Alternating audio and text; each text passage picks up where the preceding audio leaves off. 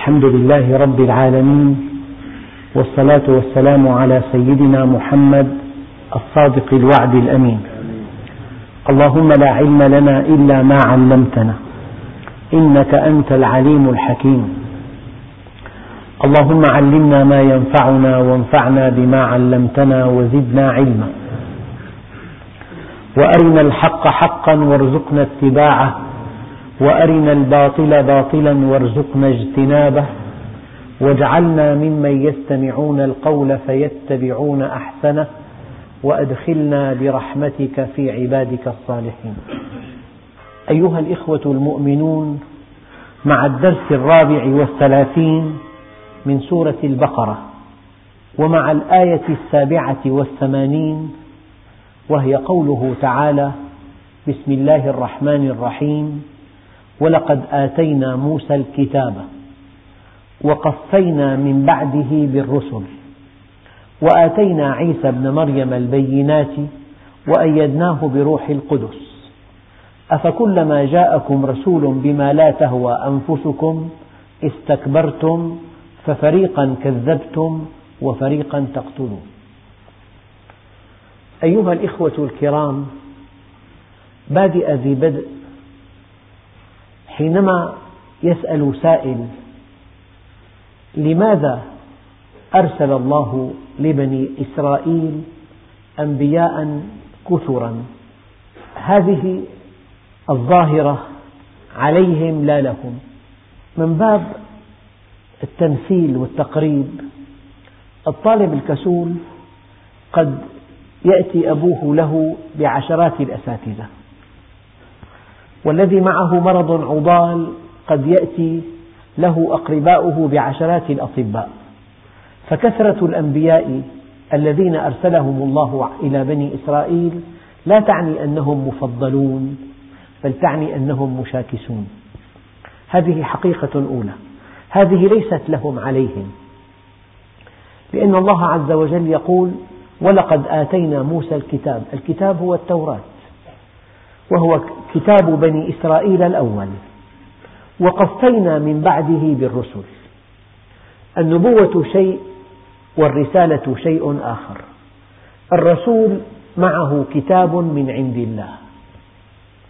معه رسالة. معه رسالة جديدة. تنسخ الرسالة السابقة. أما النبي يرسله الله عز وجل. كما يرسل الرسول ولكن النبي يرسل ليشرح رسالة سابقة. فسيدنا لوط وسيدنا زكريا وسيدنا يحيى وأنبياء كثر منهم من قصصنا عليك ومنهم من لم نقصص عليك. هؤلاء جاءوا ليشرحوا لأقوامهم كتاب الله عز وجل ليشرحوا التوراة. فسيدنا موسى نبيهم الأول. أنزل الله عليه التوراة. والأنبياء الذين جاءوا من بعده شرحوا لأقوامهم مضمون هذا الكتاب فالرسالة معها كتاب من السماء. أما النبوة أرسله الله للمؤمنين ليشرح لهم كتابا سابقا. كل رسول نبي وليس كل نبي رسول. لكن الشيء الذي ينبغي أن نقف عنده وقفة متأنية هو أن كمال الله عز وجل يقتضي إرسال الرسل. حينما يخلق الله خلقه دون أن يعلمهم بسر خلقهم دون أن يعلمهم بمنهجهم الذي يؤدي إلى سلامتهم وسعادتهم فهذا يتناقض مع كماله. فحينما تعطل مفهوم الرسالة فقد آه، وصفت الله بما لا يليق به يعني أوضح مثل أب جالس في بيته ابنه الصغير اقترب من المدفأة هل يبقى ساكتا؟ هل يبقى متكتفا؟ أم ينطلق لينصحه ليبعده وقد يقوم من مكانه ليأخذه فمن مستلزمات كمال الله عز وجل ألا يترك عباده معطلين عن الأمر والنهي.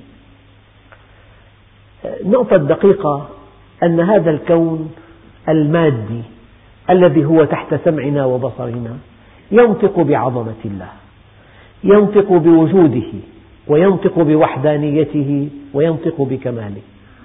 هذا الكون لأنه ينطق بكمال الله من مستلزمات كمال الله ألا يدع عباده معطلين عن الأمر والنهي والمعرفة.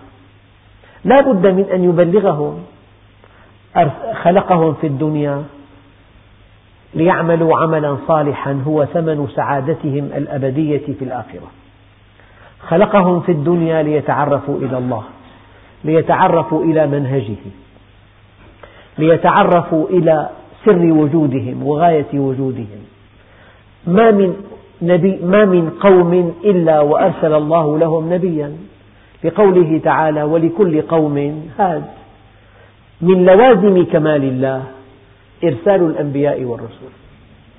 كما أن من بديهيات الأبوة أن ينصح ابنه وأن يأمره وأن ينهاه. فإذا بقي ساكتا والأخطار محدقة بالابن هذا ليس أبا. المثل مبسط وواضح. فالله عز وجل ما كان ليخلق الخلق ثم يدعهم هكذا في جهالة جهلاء. كان الناس أمة واحدة فاختلفوا فبعث الله النبيين مبشرين ومنذرين.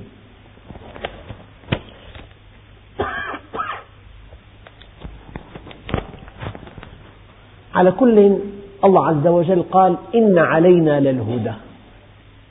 وحيثما جاءت على مقترنة بلفظ الجلالة فتعني أن الله جل جلاله ألزم ذاته إلزاما.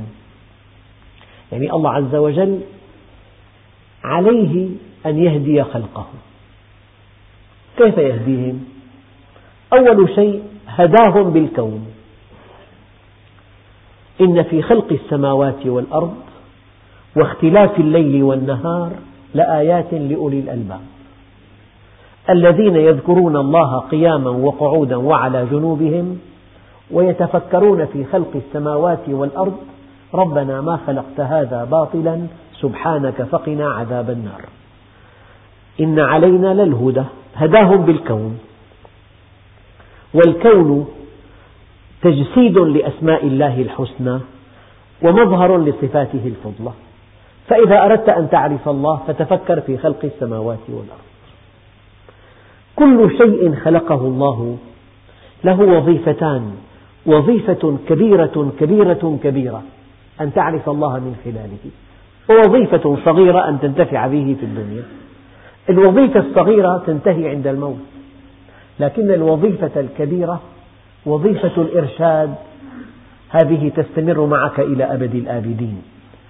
هذا الكلام ينطلق من قول النبي عليه الصلاة والسلام لما رأى هلالا قال هلال خير ورشد. هلال خير أنتفع به في الدنيا ورشد يرشدني إلى الله عز وجل. هذا الذي يأكل ويشرب ويتزوج ويتنعم ويرى الربيع والخريف والشتاء والصيف ويأكل من الفواكه أنواعا كثيرة. ولا يفكر في هذا الخلق عطل أكبر وظيفة لهذا الخلق. وكان انتفاعه بما خلق الله له انتفاعا محدودا جزئيا ينتهي عند الموت. نعم. أيها الإخوة الكرام الله عز وجل عرفنا بذاته من خلال أفعاله. ثم من خلال خلقه عفوا. ثم عرفنا بذاته من خلال كلامه. أرسل الكتب. كل رسول جاء بكتاب. وكل نبي شرح هذا الكتاب. إذا كلامه يدلنا عليه. وخلقه يدلنا عليه. ثم عرفنا بفعله. قال قل سيروا في الأرض فانظروا كيف كان عاقبة المكذبين. ثم عرفنا من خلال الفطرة فترك فطرة خاصة بحيث لو انحرفت عن منهج الله تضيق نفسك. الإثم ما حاك في صدرك وكرهت أن يطلع عليه الناس والبر ما اطمأنت إليه النفس. إذا عرفك بذاته من خلال خلقه وعرفك بذاته من خلال أفعاله وعرفك بخلقه من خلال كلامه وعرفك بخلقه من خلال الفطرة التي فطرت عليها. وعرفك بذاته من خلال الملائكة الذين يلهمونك الصواب دائما. وعرفك بخلق بذاته من خلال الأنبياء والرسل والدعاة الصادقين. فالإنسان دائما تحت التوجيه وتحت التبيين والتبليغ. فلكل قوم هاد هناك رسل ونبينا سيد الرسل وهناك رسل من أولي العزم وهناك رسل آخرون وهناك أنبياء وهناك صديقون وهناك علماء عاملون وهناك دعاة طيبون. هؤلاء كلهم مسخرون لتعريف الناس بالحق. أما أن تخلق وأن تترك من دون تعليم من دون توجيه من دون تبليغ من دون بيان فهذا يتناقض مع وجود الله. بل إن الله عز وجل يقول وما كنا معذبين حتى نبعث رسولا. قال بعض العلماء وليس كل العلماء الرسول هو العقل من بعض التفسيرات. على كل هناك آية حاسمة ولو علم الله فيهم خيرا لأسمعهم. يعني إذا إنسان بأقصى الدنيا فيه ذرة من خير لا بد من أن يسمعه الله الحق بطريقة أو بأخرى. فأنت حينما ساقك الله إلى مكان تستمع فيه إلى الحق هذه نعمة كبيرة. ولو علم الله فيهم خيرا لأسمعهم. فما دام الله قد أسمعك الحق فهذه بشارة لك أن الله علم فيك الخير. أن هناك ضلالات في الأرض لا تحتمل. هناك من يعبد النار هناك من يعبد الأصنام هناك من يعبد الحيوانات القميئة هناك من يعبد موج البحر إلى ما هنالك هناك من يعبد الشمس هناك من يعبد البقر هناك من يعبد الحجر. وإذا شرفنا الله بعبادته فهذه نعمة كبرى لا توصف.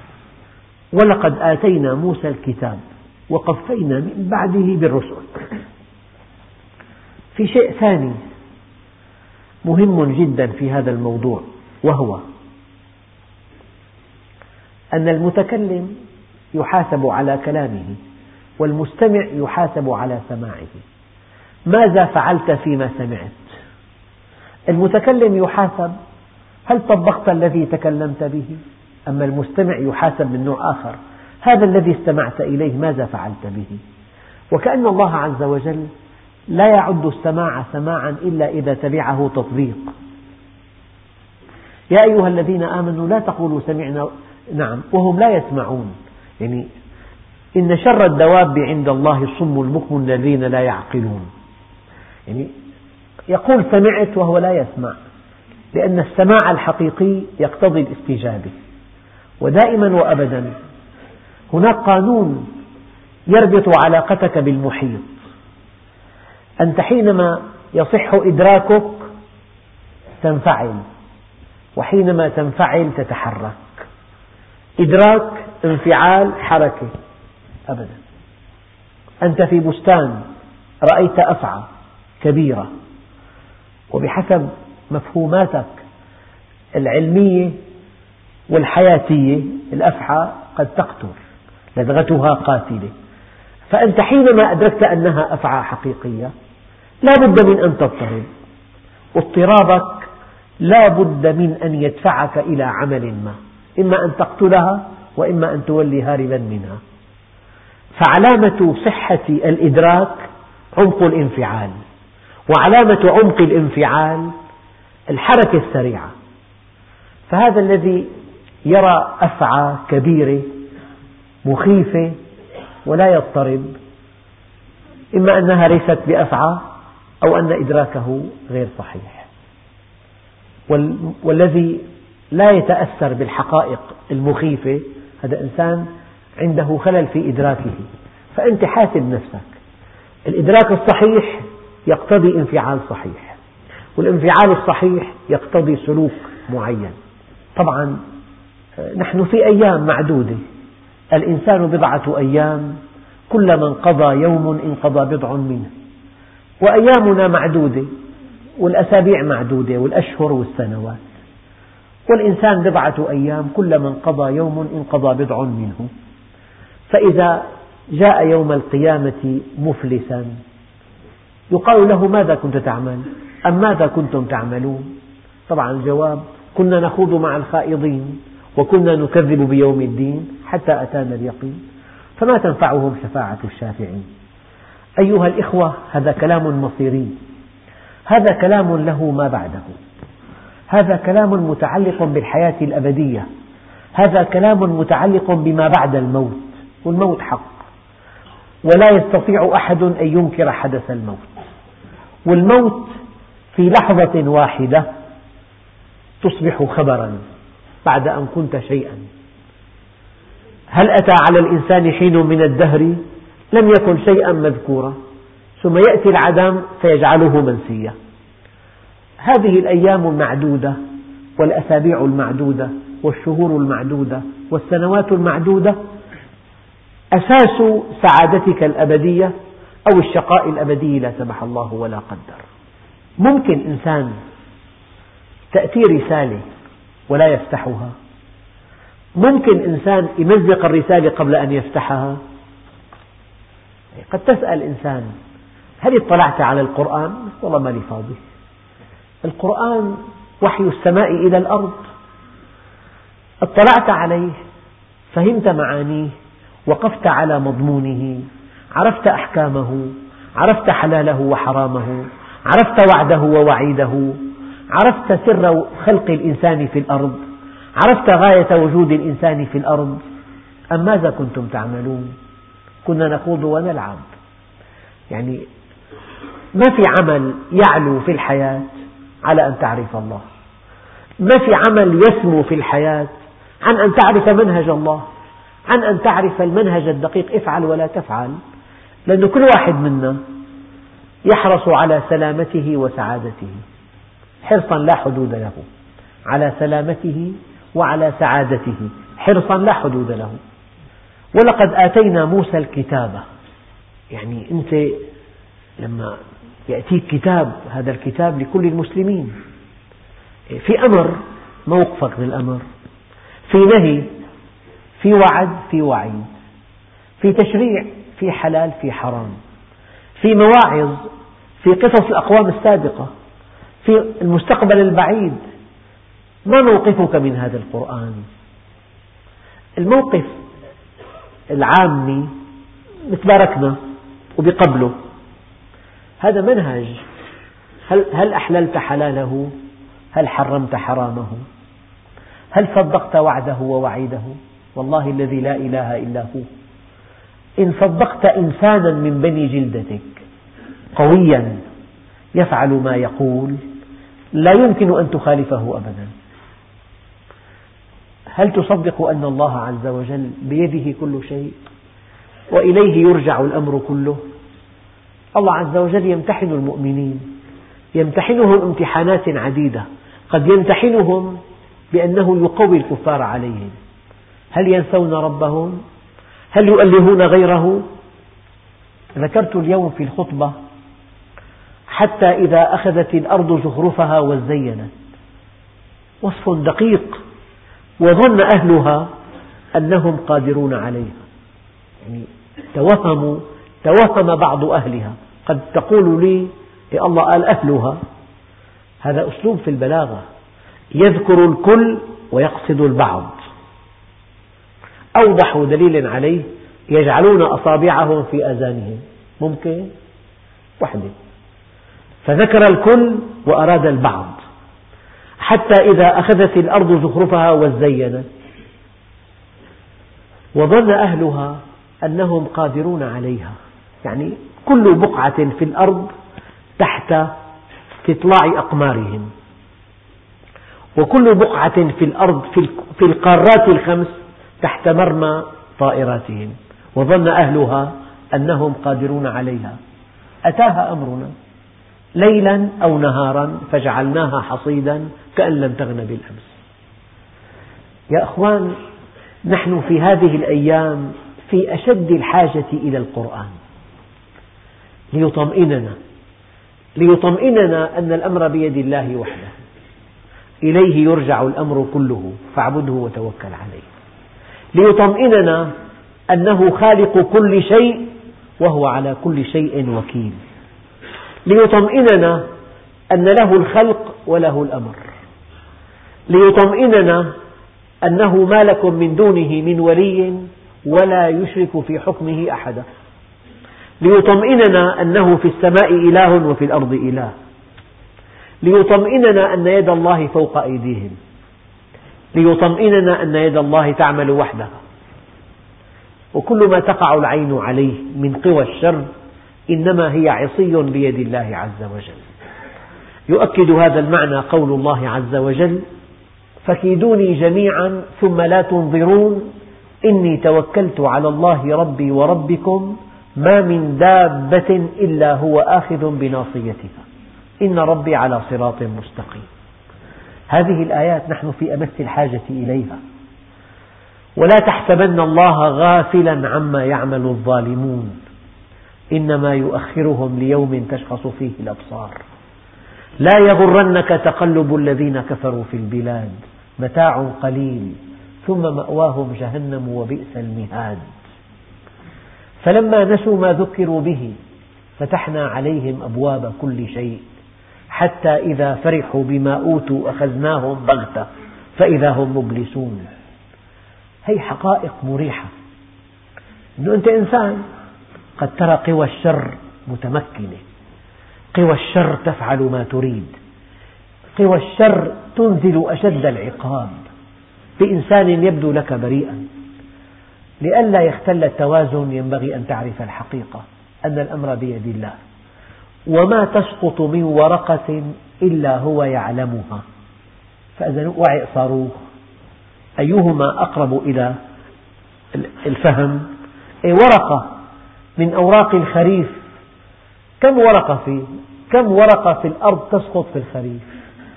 الأشجار كلها تتساقط أوراقها في الخريف. وما تسقط من ورقة إلا هو يعلمها. فإذا وقعت شظية أو وقعت قنبلة يعلمها والأمر بيده. لكن الله عز وجل قال ولو شاء ربك لانتصر منهم ولكن ليبلو بعضكم ببعض. يعني قلت اليوم الحق عند الشاردين عن الله هو القوة فقط.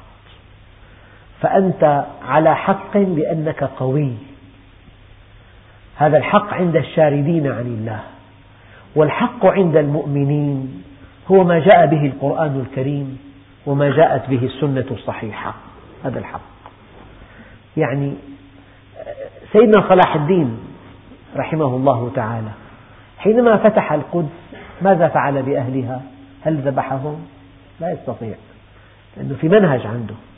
بالعكس امرأة شكت له فقد ولدها فوقف ولم يجلس حتى أعيد لها ولدها.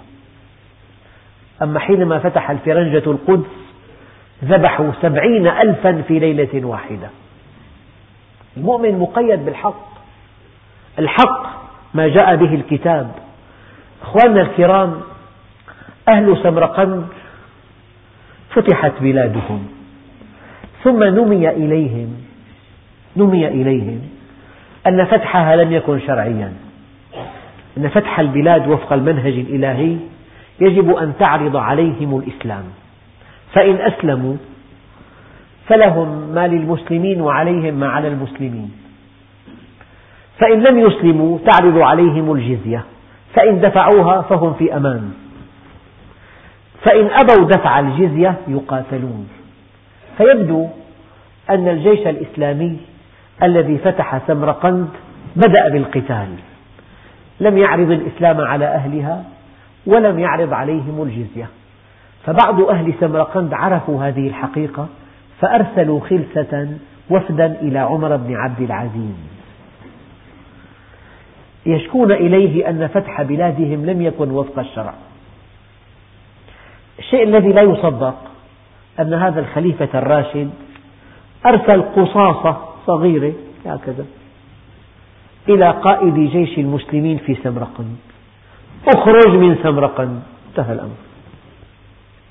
بلد فتحت بالحديد والنار.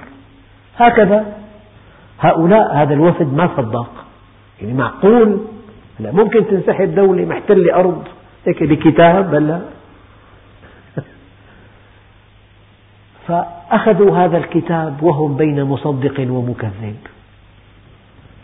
ثم تجرؤوا وأعطوا هذا الكتاب لأمير المسلمين في سمرقند. فقبل الكتاب وأمر بإخراج الجند من سمرقند.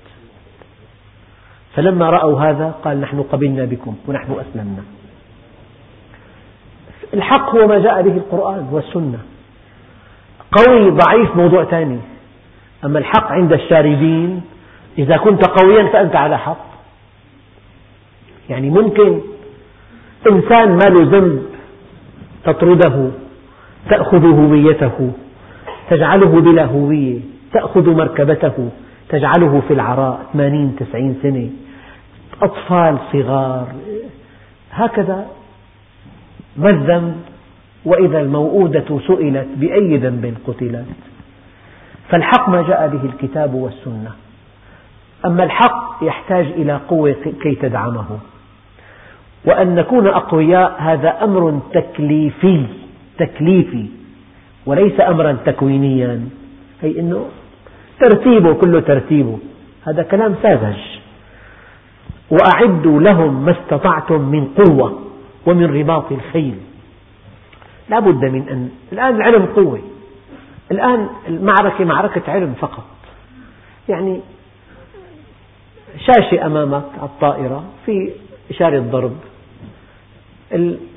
المنشأة الضخمة المعمل الضخم يظهر على الشاشة. مهمة قائد الطائرة يضع هذه الإشارة فوق المنشأة بس كما الزر تدمرت وين الشجاعة؟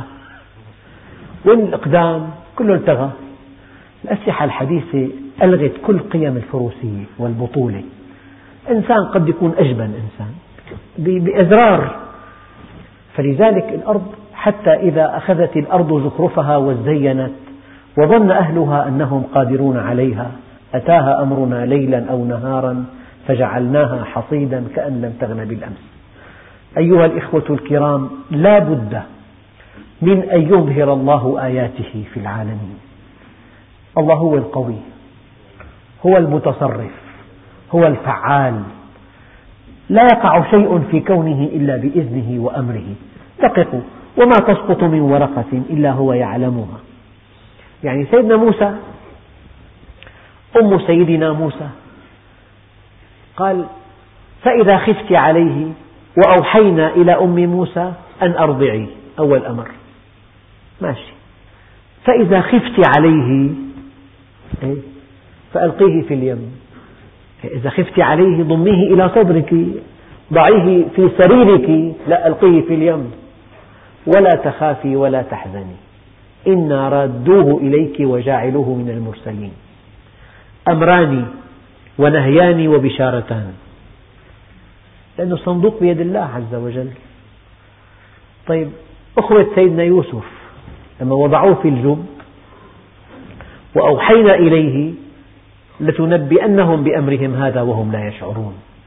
فلما دخلوا عليه قالوا أئنك لأنت يوسف؟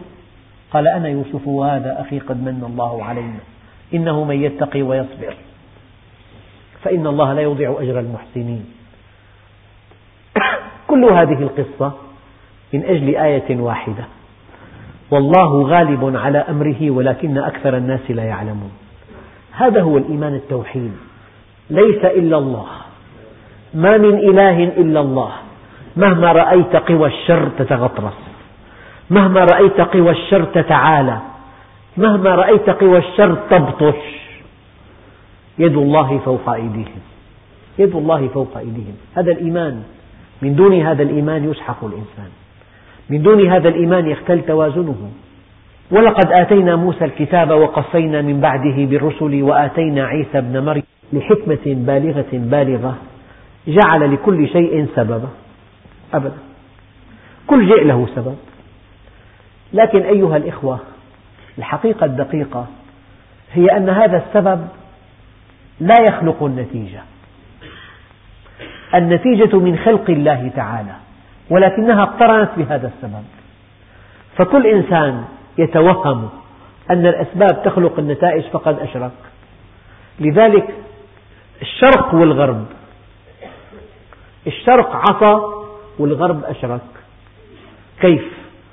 الغرب أخذ بالأسباب واعتمد عليها وألهها وعبدها من دون الله. فأشرك والشرق لم يأخذ بها فعصى. يعني الله عز وجل النبي عليه الصلاة والسلام يقول إن الله يلوم على العجز. إن الله يلوم على العجز ولكن عليكم بالكيس. فإذا غلبك أمر فقل حسبي الله ونعم الوكيل. إذا غلبك أمر فقل حسبي الله ونعم الوكيل. يعني أنا بتحرك آخذ بالأسباب وبعدها أتوكل على الله عز وجل. يعني الطريق المثالي طريق ضيق. على اليمين في وادي وعلى اليسار في وادي. عن اليمين وادي الشرك وعن اليسار وادي المعصية. أنت إن أخذت بالأسباب واعتمدت عليها فقد أشركت. وفي قصص كثيرة جدا. الباخرة تيتانيك. هي أضخم باخرة صنعت في القرن التاسع عشر. في عام 1912 بنيت هذه الباخرة. وقالوا في نشرة نشرتها كتيبها هذه الباخرة لا يستطيع القدر أن يغرقها لأنها صنعت من جدارين. وبين الجدارين أبواب كثيرة. فأي مكان خرقت فيه أغلقت الأبواب الجانبية فمنعت تسرب الماء إليها. لذلك لم يعتني صانعوها بقوارب النجاة فيها. وفي أول رحلة لها من أوروبا إلى أمريكا وعليها أثرياء العالم. قدروا حلي النساء بألوف ببضعة عشرات الملايين. يعني باخرة كالمدينة. في أول رحلة لها ارتطمت بجبل ثلجي فشطرها شطرين. ولم يستطع أحد أن ينجدها لأن كل إشارات الاستغاثة ظنوها احتفالات. ما أنجدها أحد ومات معظم ركابها. قال بعض القساوسة إن غرق هذه الباخرة درس من السماء إلى الأرض. درس أرسلت مركبة فضائية سميت المتحدي إشلنجر وطبعا كل شيء على الكمبيوتر وعلى التنازلي ضبط إلى أقصى الحدود. فيها سبع رواد فضائيين مع امرأة.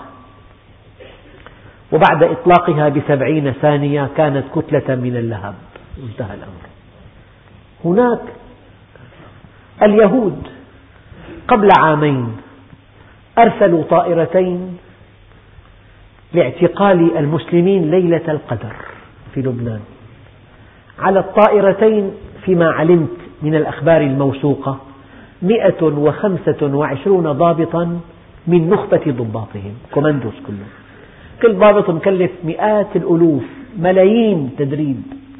يتقنون اللغات والحرب الصراع الياباني والسلاح الأبيض إلى آخره. الطائرة العلوية وقعت فوق السفلية والطائرتان وقعتا فوق مستعمرة.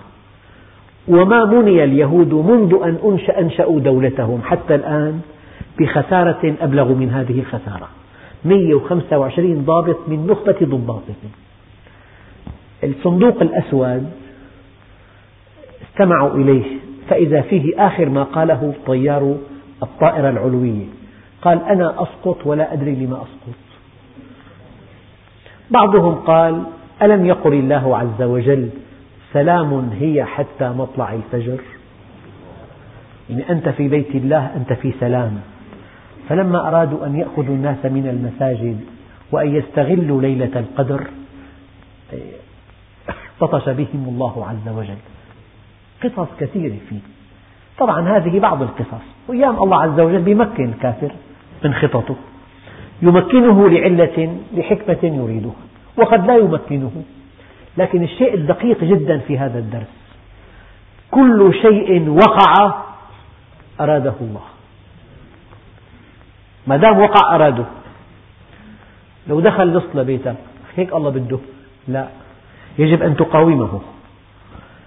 مو معنى إذا الله سمح له بالدخول أن تبقى ساكتا وأن ترحب به وأن تعطيه ما يريد لا. يجب أن تقابله أن تقبض عليه أن تبلغ عنه آه، الجهات المسؤولة لكن اطمئن أن كل شيء وقع أراده الله. وكل شيء أراده الله وقع. وإرادة الله متعلقة بالحكمة المطلقة. والحكمة المطلقة متعلقة بالخير المطلق. إن أخذت بالأسباب لا تعتمد عليها اعتمد على الله. يعني أنت عندك مركبة عندك سفر. حتقول أنا فحصت كل أجزاء المركبة والجاهزية عالية ولن يحدث معي شيء شرك. لو تركب أحدث مركبة قد يصيبها الخلل. أما إذا قلت أنا أخذت بالأسباب وتوكلت على الله هذا الموقف المثالي. يجب دققوا أيها الإخوة يجب أن تأخذ بالأسباب. وكأنها كل شيء. وكأنها كل شيء. ويجب أن تعتمد على الله وحده وكأنها ليست بشيء. هكذا فعل النبي في الهجرة. فسيدنا عيسى جاء من دون أب. الله لغى السبب. والعقيم عطل السبب. زوجة شابة وزوج شاب لا ينجبان. وامرأة تنجب بلا زوج. في حالة سيدنا عيسى السبب معطل. عفوا السبب ملغى. أما في حالة المرأة العقيم السبب معطل. سبب في إنجاب ما في. طيب ما في سبب في إنجاب؟ هذا من أجل أن لا نؤله الأسباب. الله عز وجل يخلق العادات. لماذا يخلقها؟ ليلفتنا إليه. الأمر بيدي. إرادة الله طليقة لا يحدها شيء. أيها الإخوة الكرام أريد أن أنهي الدرس بهذه الحقيقة المهمة جدا. قضية الأسباب والنتائج. مرة ثانية الغرب أله الأسباب واعتمد عليها والشرق لم يأخذوا بالأسباب فعصوا. هؤلاء اعتمدوا عليها فأشركوا ونحن لم نأخذ بها فعصينا. الموقف الكامل أن تأخذ بالأسباب وكأنها كل شيء. ثم تتوكل على الله وكأنها ليست بشيء. هذا الموقف الصحيح. لذلك ما الذي جعل المسلمين متخلفين؟ ما أخذوا بالأسباب؟ يعني مثلا أوضح مثل تفاحة مو مغسولة. يقول لك كل سمي بالله. ما بيضر مع اسمه شيء. سمي بالله ولا تخاف. هذا كلام غير شرعي. خذ بالأسباب اغسلها وتوكل على الله. ممكن تغسلها بالصابون يكون فيها دواء مسرطن جهازي ضمن التفاحة. أنت اغسلها وتوكل على الله. قال له أعقلها أم أتوكل؟ قال له اعقلها وتوكل. اجمع بينهما. ففي دراستك بتجارتك بعملك بسفرك اضبط المركبة قول توكلت على الله. أما ما لك مراجعة من 12 سنة وماشي على 120 وفلت الميزان وقضت على كل من فيها لك ترتيب الله. لا. هذا جزاء التقصير. هو الله سمح فيه بس هذا جزاء التقصير. الابن مريض أخي سلمته لله هذا مو موقف إسلامي أبدا هذا موقف في جهل. خذه إلى أحسن طبيب أعطه الدواء وقول يا رب سلمتك إياه وادفع صدقة. ما أخر المسلمين إلا الموقف التواكلي. من أنتم؟ قال نحن المتوكلون. سيدنا عمر كان صريح قال لهم كذبتم. المتوكل من ألقى حبة في الأرض ثم توكل على الله. ما درس؟ ما نجحت؟ لا والله. ما في نصيب السنة إنجح هذا كلام كلام زعبرة اسمه. لا أنت مقصر بالتجارة. بالدراسة بكل حركاتك بصحتك بعلاقاتك. خذ كل الأسباب وكأنها كل شيء. وتوكل على الله وكأنها ليست بشيء. هذا الموقف الكامل. المؤمن العرب في ماضيهم المتألق أخذوا بالأسباب. أنشأوا أسطول بحري حاربوا فيه جزر ضخمة. طيب ما عندهم علم. خصومنا أعدائنا اعتمدوا العلم وألفوه. نحن رفضنا. اعتمدنا على إيماننا بس ما نجح إيماننا من دون إعداد. النصر بالمعركة يحتاج إلى إيمان وإلى إعداد. قال تعالى وأعدوا لهم ما استطعتم من قوة ومن رباط الخيل ترهبون به عدو الله وعدوكم. يعني كلمة معركة وسعها كثير الاقتصاد الآن معركة صار. الاقتصاد معركة. العالم ماشي بطريق البقاء للأقوى. الأقوى علما والأقوى تطبيقا والأقوى. فأنت الآن كمسلم يجب أن تكون متألق والتألق يحتاج إلى علم. الإمام الشافعي يقول إذا أردت الدنيا فعليك بالعلم وإذا أردت الآخرة فعليك بالعلم وإذا أردتهما معا فعليك بالعلم. والعلم لا يعطيك بعضه إلا إذا أعطيته كلك. فإذا أعطيته بعضك لم يعطك شيئا. يعني أنا بتمنى يكون المسلم متألق في الدراسة الأول في التجارة الأول. لأنه أنت لك بالحياة رسالة. أنت سفير المسلمين بتمثل المسلمين. بدءا من مظهرك. بدءا من, من اختصاصك من دراستك من عملك. أنت قدوة ومثل أنت على ثغرة من ثغر الإسلام. فلا يؤتين من قبلك. والله أنا أفتخر كثيرا بمسلم صناعي مسلم متفوق بفتخر بس بحترم الكل والله. أنه الله النبي قال وفي كل خير. بحترم أي مؤمن رب أشعث أغبر ذي طمرين مدفوع بالأبواب لو أقسم على الله لأبره والله قلامة ظفر مؤمن فقير ضعيف عند الله بملء الأرض من الكفار. قلامة ظفره قد تكون ضعيف قد يكون مستخدم آذن حاجب أما حينما أتمنى يكون المؤمن متألق دارس مثلا دروس خذ شهادة كن أول بتجارتك بعملك بعلاقاتك أنه أنت بتمثل الدين هلأ الدولة بعث السفير تبعث مين؟ إنسان باللغة جاهل يكون ما معه شهادة. أمي ممكن مستحيل. في بعض الدول ثلاث ليسانسات. مدرسة خاصة للسفراء بيدرسون علوم وآداب وحقوق وبينتقوهم من أذكى الناس بيمثل أمة. فأنت بتمثل الإسلام كل مسلم بيمثل الإسلام أنت سفير المسلمين. فإذا كان مواعيدك غير دقيقة هندامك غير حسن علاقاتك غير منضبطة حساباتك غير صحيحة هذا المسلم ألا يستحي الإنسان يكون إنسان بعيد عن الدين منضبط والدين غير منضبط. حاسبته. أخي طلعنا خلاص. طيب وين الحساب؟ خلاص ما في الحساب تمام. لا مو تمام. بين بين. ما دام أنت نظيف بين الوثائق والفواتير والأسعار. فبتلاقي غير المؤمن منضبط. هذا شيء مؤلم جدا. والمؤمن في تسيب. أنا أريد مؤمن انضباطي مؤمن واضح. يعني أدق شيء بالدرس بحكي الإسلام منهج أخلاقي. سيدنا جعفر هكذا قال كنا قوما أهل جاهلية نعبد الأصنام ونأكل الميت ونأتي الفواحش ونسيء الجوار ونقطع الرحم حتى بعث الله فينا رجلا نعرف أمانته شوف أمانته وصدقه وعفافه ونسبه. فدعانا إلى الله لنعبده ونوحده. ونخلع ما كان يعبد آباؤنا من الحجارة والأوثان وأمرنا بصدق الحديث وأداء الأمانة وصلة الرحم وحسن الجوار والكف عن المحارم والدماء. هذا الإسلام. الإسلام أن تكون صادقا. الإسلام أن تكون أمينا. الإسلام أن تكون عفيفا. الإسلام أن تربي أولادك. الإسلام أن لا تستخدم معيارين معيار واحد. هذا الإسلام. أما الصلاة عبادة شعائرية قد تكون فارغة. هي فرض الصلاة بس إذا أديت الصلاة ولم تنهك هذه الصلاة عن الفحشاء والمنكر لم تقطف ثمارها. إذا صمت رمضان ولم يقربك إلى الله عز وجل من لم يدع قول الزور والعمل به فليس لله حاجة في أن يدع طعامه وشرابه.